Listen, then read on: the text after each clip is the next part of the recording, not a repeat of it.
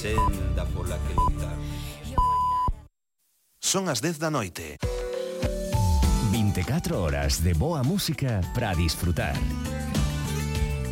Radio Galega Música.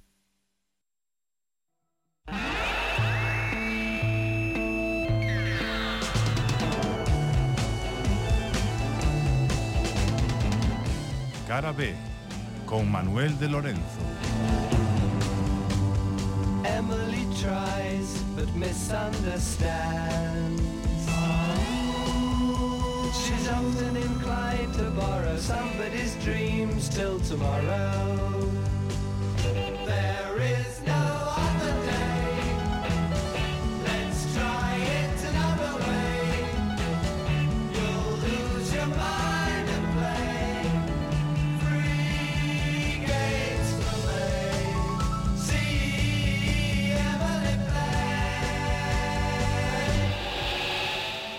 Moi boas a todos e a todas, benvidos a Cara B.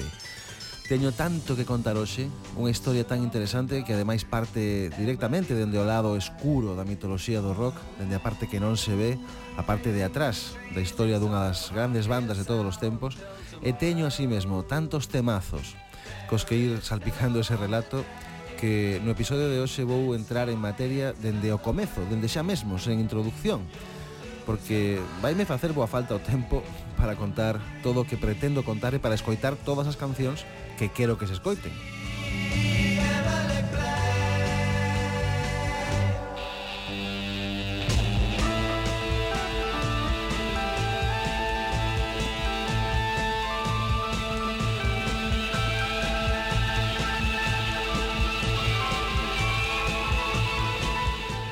Hoxe o programa trata sobre o divorcio entre Roger Waters e Pink Floyd sobre como Roger Waters decidiu que quería abandonar o grupo, pero a súa intención era que o resto dos membros da banda non poidesen usar o nome e a marca Pink Floyd sen el.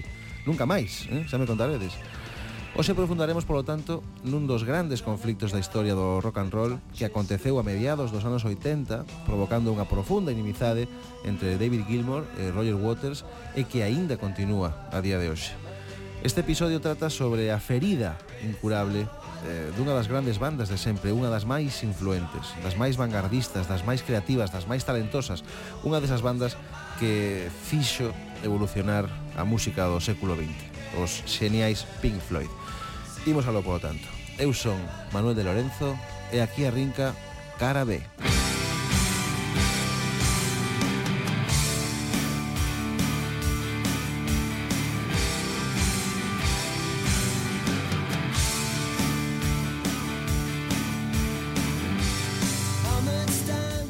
nome de Pink Floyd provén da unión dos apelidos dos músicos Pink Anderson e Floyd Council, dous dos moitos referentes de Sid Barrett, o líder, guitarrista e cantante dos dous primeiros discos de Pink Floyd, durante o que poderíamos considerar a súa fase psicodélica.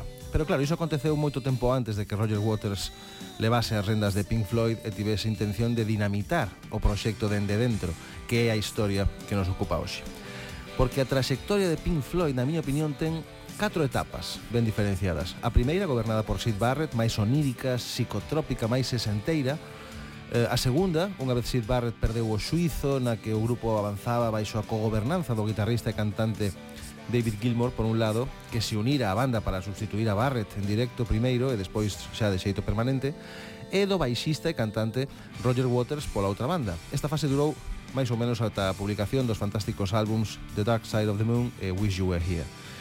Unha terceira etapa na que Roger Waters asume o mando e o control creativo do grupo, considerando que ele é o único que ten ideas poderosas e innovadoras, que chega ata o disco The Final Cut, o disco posterior a The Wall, e unha derradeira etapa a actual con Roger Waters fora da banda. Ben, pois A ese momento entre a terceira e a cuarta fase é o que lle imos dedicar este episodio, o instante da desconexión entre Pink Floyd e Roger Waters. Como sucedeu? Que o motivou? Porque o máis asombroso é que aínda dura no tempo esa animadversión. No ano 2020, no ano do confinamento, Roger Waters publicou na súa conta de Instagram un vídeo no que explicaba os motivos polos que o seu novo traballo, que era un remake do tema Mother, non aparecía no sitio oficial de Pink Floyd, na páxina web de Pink Floyd, nin nas redes sociais do grupo, como se non existira, non? Esa versión de Mother de Pink Floyd. E a súa explicación, a explicación de Roger Waters un tanto tendenciosa, se mo permitides, foi, abro comiñas, eu estou proibido por David Gilmour.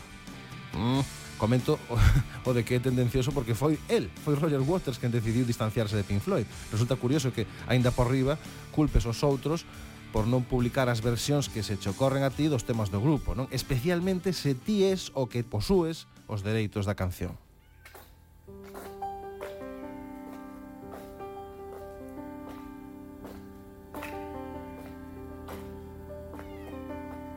Button your lip and don't let the shield slip. Take a fresh grip on your bulletproof mask. And if they try to break down your disguise with their questions,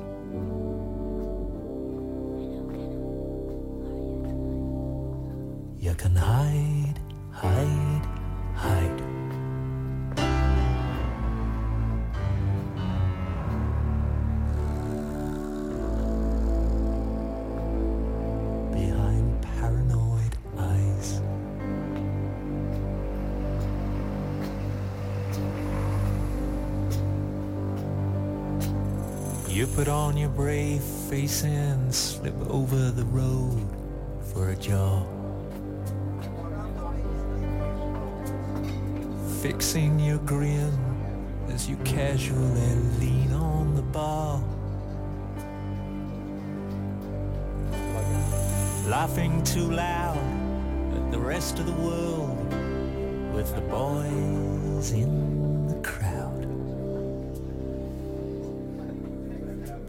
You can hide, hide, hide.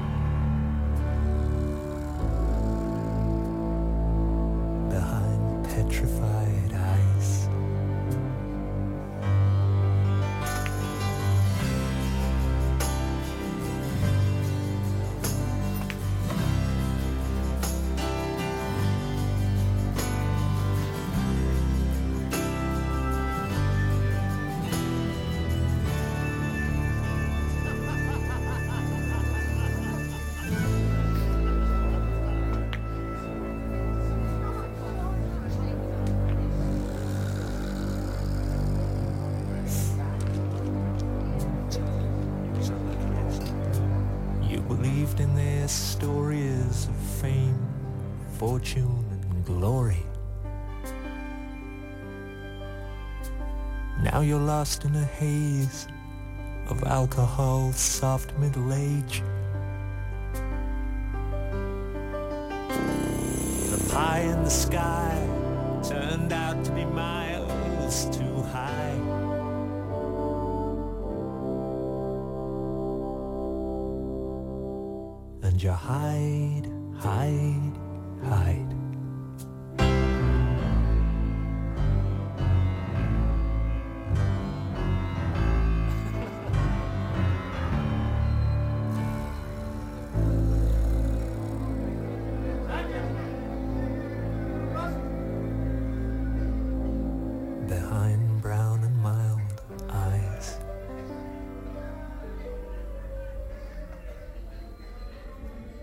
O punto culminante desta historia atopámolo no ano 1985, cando Roger Waters decidiu abandonar Pink Floyd.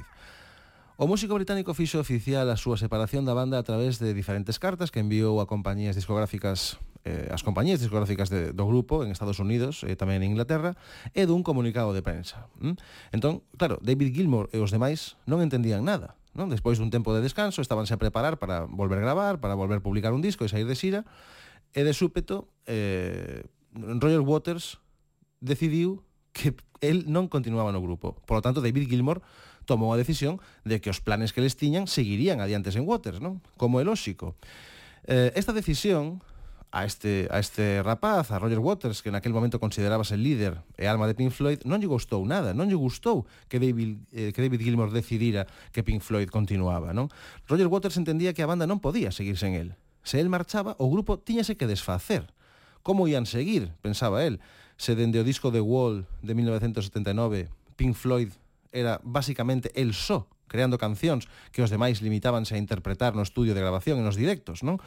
Iso, el, iso era o que el pensaba, ninguén podía usar o nome e a marca de Pink Floyd se el non formaba parte do proxecto. Pero claro, os outros non opinaban do mesmo xeito. Se un membro marchaba, o grupo continuaba. Continuaba sen el, non? Era así de sinxelo. David Gilmore e Nick Mason aceptaron a marcha de Roger Waters, claro, volveron chamar a Richard Wright, o teclista histórico do grupo que fora despedido por Roger Waters logo da grabación de The Wall, e meteronse no estudio de grabación para dar forma a un novo disco, o disco A Momentary Lapse of Reason, que é un título eh, que poderíamos traducir como unha momentánea falta de razón e que parece un pouco unha mensaxe non? que lle estaban a enviar o seu xa ex compañeiro. Entón David Gilmour, Richard Wright e Nick Mason saíron de xira para presentar este disco baixo o nome de Pink Floyd e Roger Waters non daba creto o que estaba a acontecer. Non? El, que marchara do grupo e que non quería que o grupo seguira. E, eh? e, e os outros sacan un disco e saen de xira. Entón Roger Waters manifestou Se algún de nós merece chamarse Pink Floyd, ese, sen dúbidas, son eu. Esas foron as palabras dun tipo que mandara cartas e eh, publicara un comunicado de prensa para anunciar que abandonaba o grupo. ¿Mm? Ou seja, parece evidente que estaba farto de ser incluído en Pink Floyd, se cadra porque non quería ser comparado cos seus compañeiros, os que consideraba máis limitados que el, e pretendía ser eh, valorado en solitario para que todo o mundo comprobase quen era o xenio, non? Pero ollo, porque eh, eh, isto, el pretendía isto sen que Pink Floyd seguise adiante, non? Eso non podía ser, ou con el ou sen el. En fin, todo isto ten un tufo a neno malcriado ou a egoísmo irresistible ou a ansia de cartos que bota para atrás.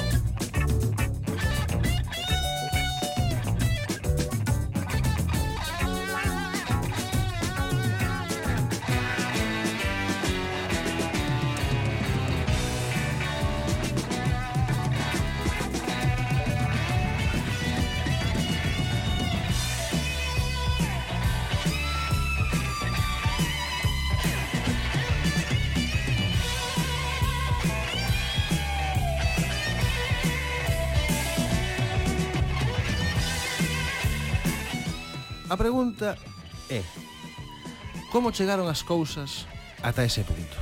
Eh? Porque eh, claro, despois de publicar The Wall e de The Final Cut, que son dous discos eh, claramente gobernados no proceso creativo por, por Roger Waters, que pertencerían a esa terceira etapa da que vos falaba antes, como é posible que as relacións entre os membros de Pink Floyd saltaran así polos aires? Non? Ben, pois como digo, As cousas atopábanse nesa terceira etapa gobernada por Roger Waters, non? Despois da marcha de Sid Barrett por problemas moi graves de saúde mental e, polo tanto, despois de pechar a etapa psicodélica dos dous primeiros álbums de Pipers at the Gates of Dawn e A Sourceful of Secrets, o grupo entrou nunha, poderíamos chamar a dinámica bicéfala movida pola evolución da súa música na propia evolución do rock progresivo, eh, na que David Gilmour e Roger Waters en Pink Floyd eran os dous galos do galiñeiro, non? Pero compenetrábanse ben, compenetrábanse sen problemas, as cousas marchaban ben cada vez tiña máis éxito e máis éxito dende o álbum More, pasando por Amma Gamma, H.M. Hard Mother, Medal, eh, Obscured by Clouds, ata chegar a ese cumio que foron os discos The Dark Side of the Moon e Wish You Were Here. Pero nese momento, eh, Roger Waters chegou á conclusión de que todo o peso creativo do grupo recaía sobre os seus ombreiros ou que tiña que recaer sobre os seus ombreiros e, polo tanto, as cousas tiñan que facerse como el pensaba, que para iso tiña talento como compositor, non? Eh, o grupo publicou Animals, o, o fantástico disco The Wall e tamén The Final Cut, pero o tecido das relacións persoais entre os membros, dirixidos por esa man de ferro eh, de Roger Waters, eh, que mesmo chegou a despedir o teclista Richard Wright, non? Eh, que formaba parte de Pink Floyd dende os inicios, pois ese tecido emocional desgarrouse. Non? Roger Waters comportábase como o dono do grupo, mm? hm? e metía presión, maltrataba os seus compañeiros eh, e para que foran súas as ideas que se tiñan que impoñer no seguinte traballo fíxolles elixir entre dous proxectos propios. Un era The Wall e outro era The Pros and Cons of Hitchhiking, que despois se convertiría no seu primeiro traballo eh, como solista. Entón, eh, David Gilmour e os demais elixiron The Wall, xa que lle daban elixir entre dúas cousas, elixiron unha, elixiron The Wall, metéronse no estudio e aí, baixo as ordes de Roger Waters, é onde comezou o calvario. ¿Mm? Vou lembrar unhas declaracións do produtor un productor do Canadá chamado Bob Ezrin, que foi contratado por Roger Waters para as sesións de The Wall. Abro comiñas. Fíxose todo baixo esa actitude inglesa riseira, de man esquerda e confrontada que adoptan con sorrisos e voces suaves, pero que basicamente din «Odiote e voute matar. A guerra que existiu entre eses dous tipos foi incrible.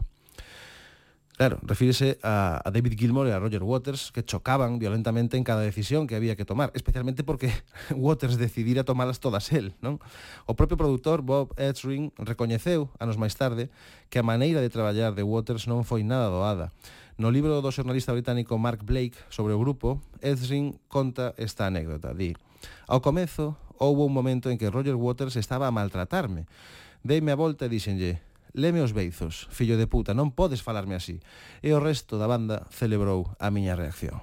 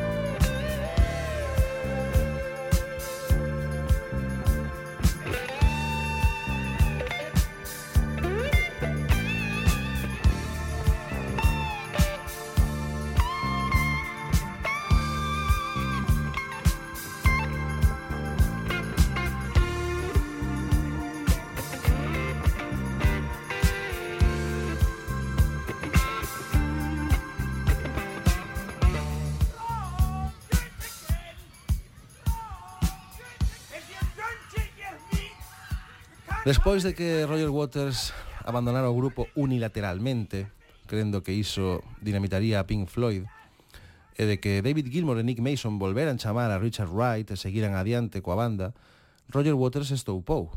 ¿Mm? O único que el quería era ser recoñecido como un xenio, non? E para iso tiña que librarse dos outros dous. E se tiña que librarse dos outros dous, pois faríao, non? Pero en lugar diso, El estaba a quedar como un tipo caprichoso, de actitude ditatorial e ainda por riba, os outros ían seguir publicando discos, e xirando polo mundo adiante como se a cousa non fora con eles, non? Waters sentíase humillado, sentía que saíralle o tiro pola culata e tomou a derradeira decisión, por fin que tiña que tomar, usou o derradeiro cartucho que lle quedaba dialogar, falar con Gilmour, devolverlle a democracia ao grupo, arranxar as cousas para seguir todos xuntos, non que va, o que fixo foi acudir aos tribunais para que os suíces decidiran quen era o dono de Pink Floyd, mm, quen quedaba con Pink Floyd, quen quedaba co nome e a marca Pink Floyd? Poñendo de manifesto Roger Waters, por tanto, que a única razón pola que el marchara en realidade era para deixar os seus compañeiros no arroyo supoñendo que non serían nada sen el, non que non serían capaces de reaccionar. Que iluso. O argumento que escribiu, eh, perdón, o argumento que esgrimiu eh, Roger Waters ante o tribunal foi que a forza creativa do grupo era súa. ¿Mm? E o que argumentaron os outros foi que se un dos integrantes de Pink Floyd decidía abandonar a banda e comunicaba o públicamente, o normal era que o grupo permanecera en funcionamento. Un, un razoamento bastante sensato na miña opinión. Se un marcha, os demais siguen, non? A resolución deste enfrontamento foi salomónica. Eh?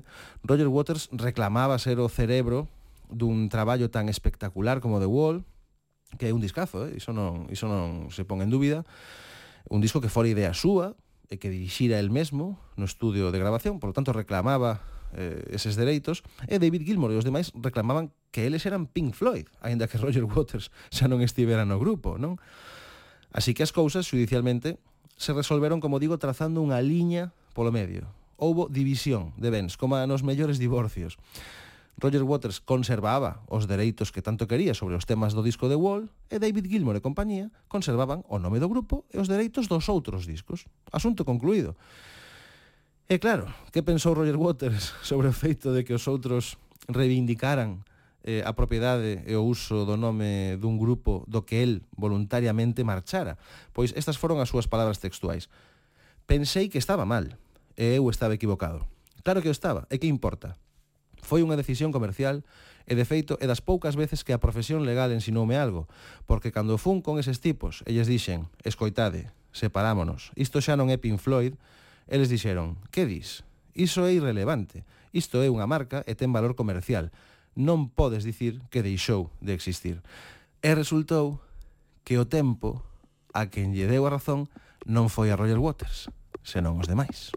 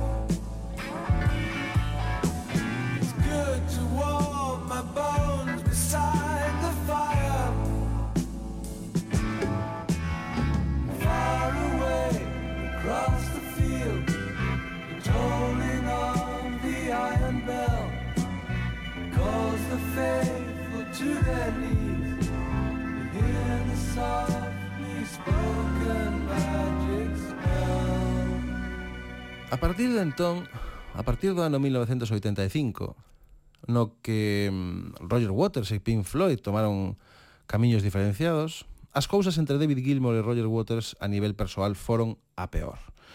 É o típico que acontece con estas pelexas irreconciliables, non?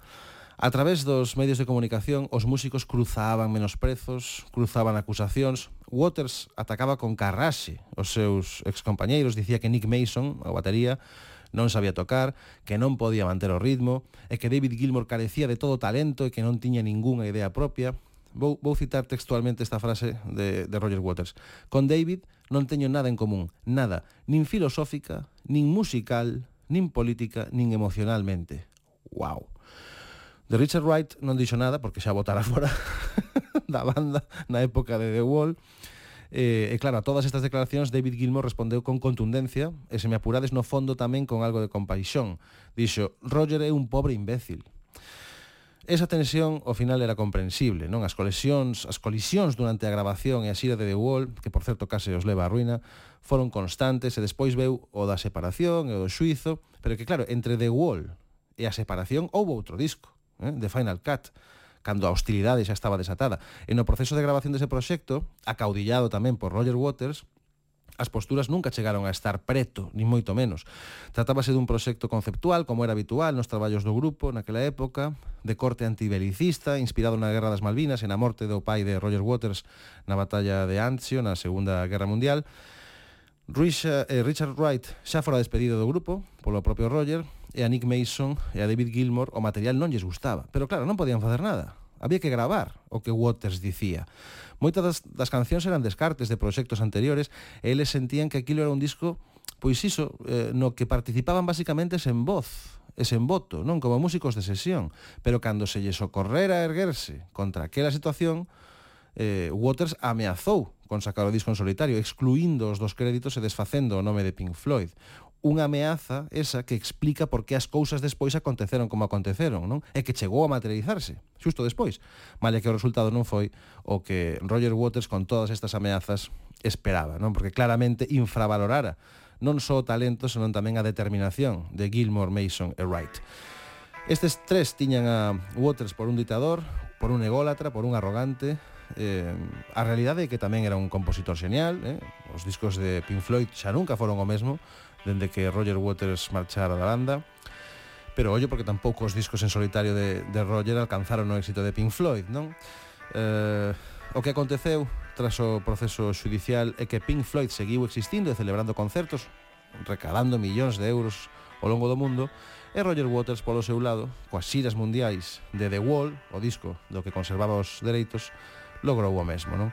Que tería acontecido de, de seguir xuntos, eh? de estar todos xuntos ali?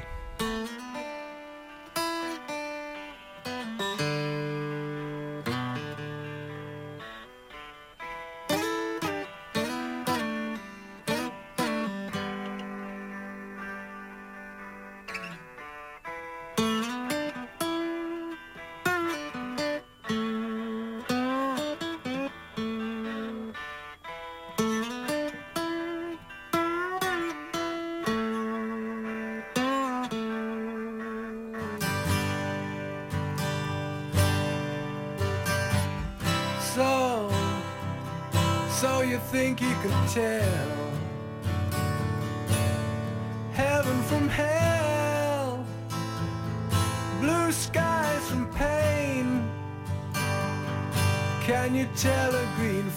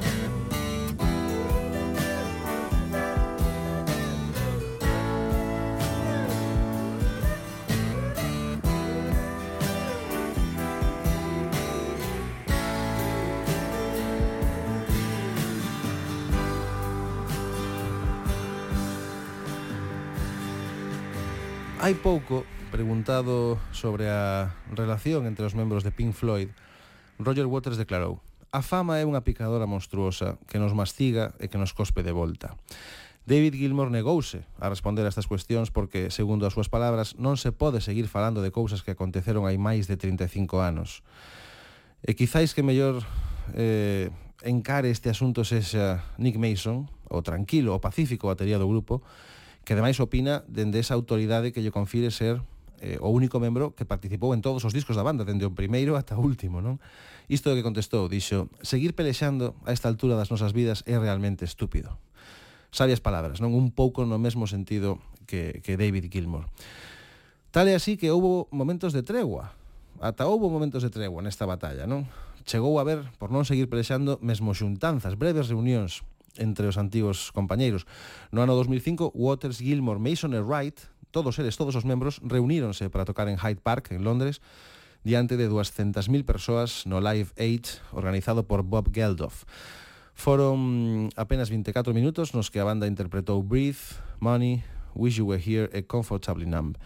Como explicou David Gilmore, algún tempo despois, o momento era máis grande que os malos sentimentos. Richard Wright faleceu tres anos despois diso, e a posibilidade de que todos os membros de Pink Floyd se xuntaran outra vez de novo desapareceu, para sempre. Con todo, no ano 2010, isto é moi curioso, eh? David Gilmour propuxolle a Waters eh, facer unha actuación a beneficio dos nenos palestinos, non? Eh, foi así como contou o propio Roger Waters, veredes. Dicía, David quería facer un set para Hoping Foundation, quería que eu fose parte do evento que estaba a organizar. E a modo de chiste, que acompañase porque pensaba que podría ser gracioso. Tiña eh, moitas ganas de que sucedese baixo ese contexto. Seguiu insistindo e eu dubidando. Así é o sentido do humor de David. Díxome, non crees que sería divertido facer un tema xuntos ali? Algo como To know him is to love him? E casi por desidia dixenlle que sí, que aceptaba, pero coa condición de que sucedese nunha das dúas noites que eu tiña programadas no O2 Arena coa xira de The Wall. No canto de mandarme o carallo, díxome que lle parecía ben. E foi así como o ano seguinte, nese estadio de Londres, no O2 Arena, David Gilmour apareceu acompañando eh, para sorpresa de todos a Roger Waters no máis alto do seu muro, The Wall, no escenario, para tocar a guitarra e cantar a dúo con Roger comfortably numb.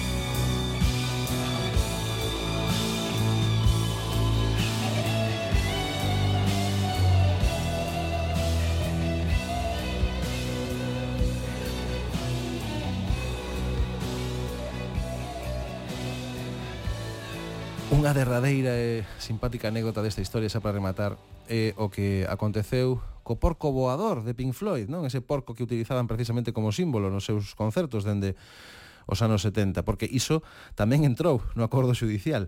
Resulta que a Roger Waters, despois de que o porco aparecera na portada do disco Animals de 1977, ocorreuselle que por se acaso o mellor era registralo como logotipo, pero soamente o seu nome, non? Non o nome de Pink Floyd, o nome de Roger Waters. Eh, ou seja, o porco de Pink Floyd era de Roger Waters. Eh? E no acordo judicial decidiuse que, ademais dos dereitos de The Wall, sería Roger Waters quen podería usar o porco hinchable. E que fixeron os Pink Floyd? Pois eh, claro, como resulta evidente, un porco é un porco, non? E calquera pode usar a súa imaxe, sempre que non coincida exactamente coa do logo que é propiedade de Roger Waters. Entón que se lles ocorreu a Gilmore e compañía para que non fora igual e así poder molestar a Roger. Pois nos concertos de Pink Floyd, a partir da saída de Waters do grupo, despregaban igualmente un porco, pero este tiña testículos, tiña dous enormes testículos, o que significaba ademais que o que tiña Roger non era un porco, senón unha porca. E por suposto el non lle fixo ningunha graza aquela estrategia. Comentou, así que lle puxeron bolas ao meu porco, que vayan cagar. En fin, as cousas nunca chegaron nin chegarán a estar ben entre Roger Waters e David Gilmour por moito que se xuntaran un par de veces para tocar. Eh, recentemente, en defensa propia, eh, dixo Roger Waters que os seus compañeiros eran uns mocosos e uns insolentes e argumentou que se comportaban así porque se sentían moi insignificantes. Queixouse, ademais, de que eles lle dicían que era xordo o ton e que non entendía de música eh, engadiu, eu atopábame nun ambiente moi tóxico, rodeado de algunhas persoas, bah, David e Rick principalmente sempre estaban a tratar de afundirme, sempre estaban a tratar de matarme. Pola súa banda, David Gilmore díxolle hai pouco a revista Guitar Player Estou a favor de que Roger faga o que queira e se divirta Que ven sendo algo así como Déixame xa en paz, Roger vai rañar por aí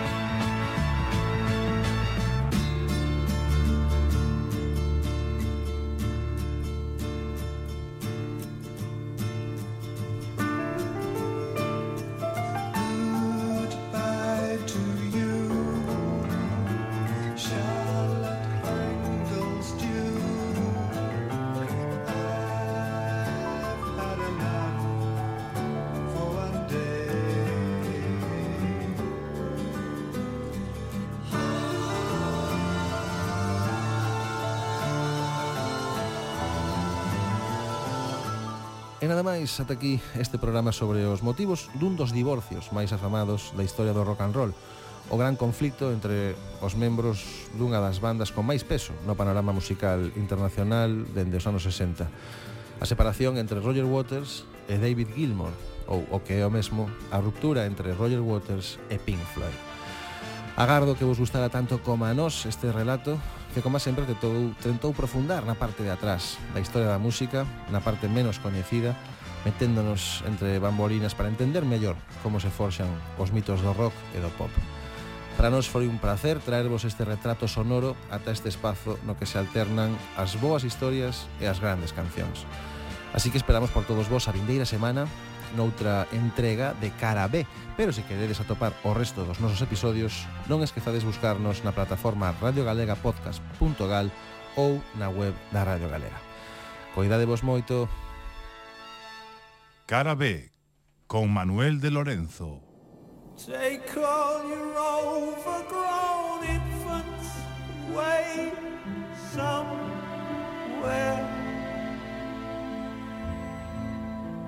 and build them a home, a little place of their own,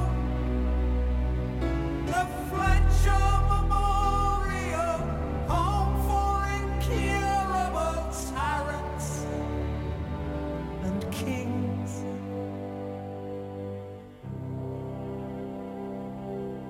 They can appear to